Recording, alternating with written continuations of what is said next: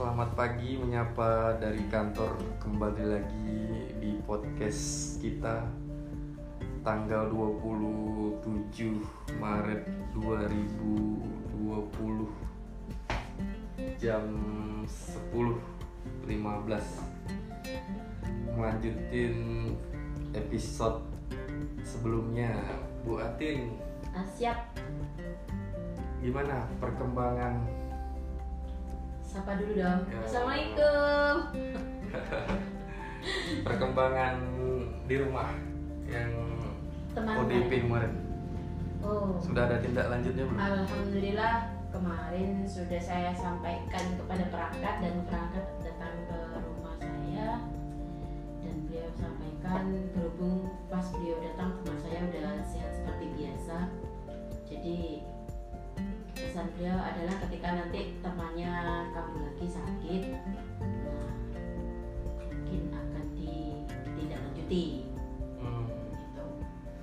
berarti sejauh ini masih di rumah. Ya? Mudah-mudahan lah temennya sembuh ya.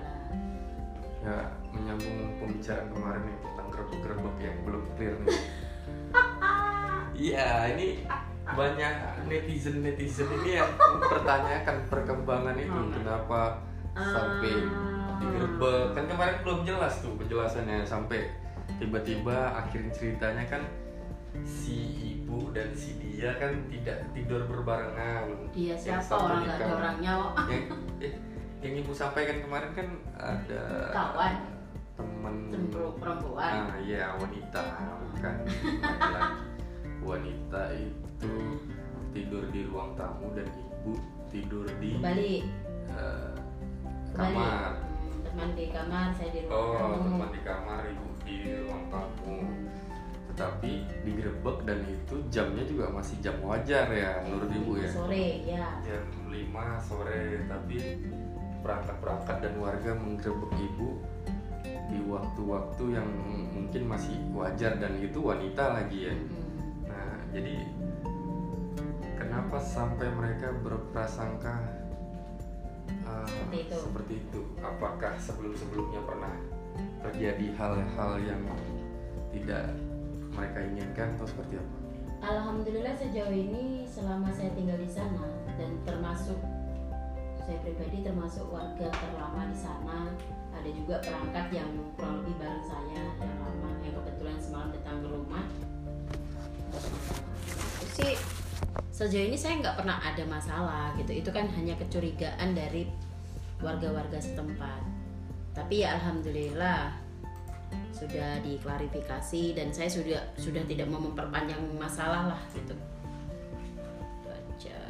Oh, berarti udah clear lah sebenarnya. saya anggap clear aja karena memang mau ditelusuri mau diinin untuk apa juga kan perdebatan pun bukan menyelesaikan masalah kan gitu Oh, ya. ya udah kita sekarang eh, kembali ke kita aja jadi intinya lebih berhati-hati mungkin lebih diperbaiki lagi ada yang tidak mungkin menurut mereka mereka tidak nyaman gitu. Oh, karena memang banyak teman-teman yang datang ke rumah ya itu sih biasa cowok cewek gitu kan. Tapi mungkin pas mereka lihat itu mungkin pas ada motor cowok pas cowoknya pas lagi keluar padahal ceweknya ada di dalam gitu oh, jadi Ah, karena ada motor yang parkir di situ gitu. nah iya Emang itu gimana dia bisa tahu kalau itu motor cowok atau motor Ya, cewek? karena motornya motor laki-laki gitu kan Oh ada motor laki-laki ada motor wanita. Oh, oh gitu sekarang ya. Saya Karena belum tahu motornya- sekarang motor ada dua, ada yang untuk wanita. Itu kan itu kan moge pak. Makanya kalau jarang kan perempuan pakai moge gitu. Terus mogenya moge modif lagi gitu kan. Kan mustahil kalau cewek yang pakai mungkin persepsi warga seperti itu. Buat buat eh, anak-anak moge, eh, buat wanita-wanita yang suka moge berarti bisa. Wah ini bahaya nih. Bahaya. Harusnya motor tuh nggak bisa jadi indikator oh ini memakai cowok atau cewek tapi mungkin ya keterangan ibu karena moge dan itu dimodif ya Mm-mm. jadi kecurigaan pasti, cowok itu gitu. cowok ya oh iya tapi memang yang punya kan cowok kan Yang gitu cowok. Hanya numpang parkir jadi besok besok kalau memang ada teman-teman dari bapak yang parkir motor di sebelah rumah kita numpang mungkin berhubung di tempat mereka nggak ada tempat parkir juga harus berhati-hati Eh, saran saya sih ini kan pengalaman pribadi nih jadi sebaiknya mungkin kita melapor ya sama security atau bagaimana supaya mereka tidak ada kecurigaan ketika warga bertanya mungkin bisa ada jawaban oh iya itu kemarin uh, warga sudah sampaikan bahwasanya adalah motor temannya yang nitip bukan motor uh, laki-laki yang main ke rumahnya kan gitu Iya, iya, iya. Mungkin saya berpikirnya gini, Bu. Yang salah itu bukan tamu yang datang. Hmm. Ah, bisa jadi nih karena status ibu sebagai jendes nih kan. jendes, jendes. Jobless, jendes and jobless ya kan Jendes berkali-kali ya kan. Jadi prasangka mereka oh, kalau jendes nih banyak lah laki-laki yang menggoda. Mungkin itu jadi salah satu yang membuat persepsi mereka, ah, persepsi berpra mereka ya berprasangka jadi Mm-mm. negatif ya. Oh, jadi iya. maksud anda apa pak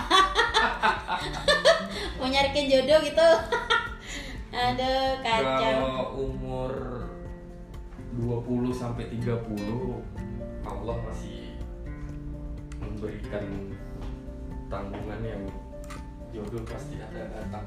oh jadi mak- maksud anda seusia saya nggak dapat jodoh gitu Bukan. jodoh di tangan Tuhan. Tapi Masa kalau udah lebih Bapak? 40 jodoh Ya alham, eh bapak nggak boleh juga persepsi seperti itu. Bapak percaya nggak percaya itu ada usia 79 tahun nikah sama umur 34 tahun?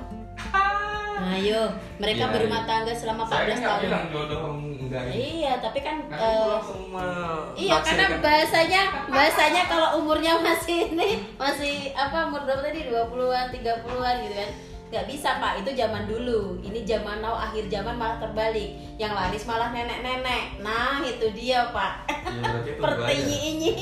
Tunggu aja 70 tahun mungkin nanti ibu akan mendapatkan jodoh. Insya Allah nggak sampai tujuh Insya Allah. tahun.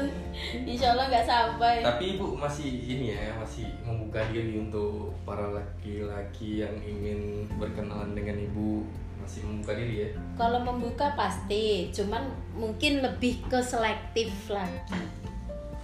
Kalau ada pasti. syarat dan ketentuan berlaku ketika ingin mendekati ibu. Oh harus, Oh iya. ya. harus ada itu sekarang. Nggak boleh ceroboh. Udah punya pengalaman berapa kali? Bu?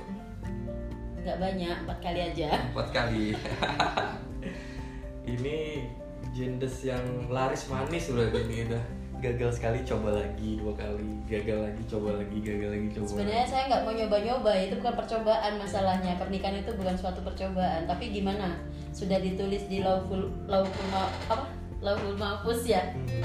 Nah, udah ditulis dari sananya. Kalau saya menginginkan ya saya minta sama Allah kalau bisa satu aja selamanya gitu kan. iya iya iya, iya. Tapi ya udah ditulis dari sononya nggak mungkin kita mengalahkan suatu takdir kan gitu. Nggak ada yang mau pak. Tapi apa daya gitu. Kita hanya manusia, ibaratnya wayang yang dimainkan oleh dalangnya kan gitu. Dan Allah itu kan ibarat dalang yang mempermain yang mainkan wayangnya tadi mau wayangnya dilempar ke mana ya udah Allah kun fayakun mau diapain lagi ya.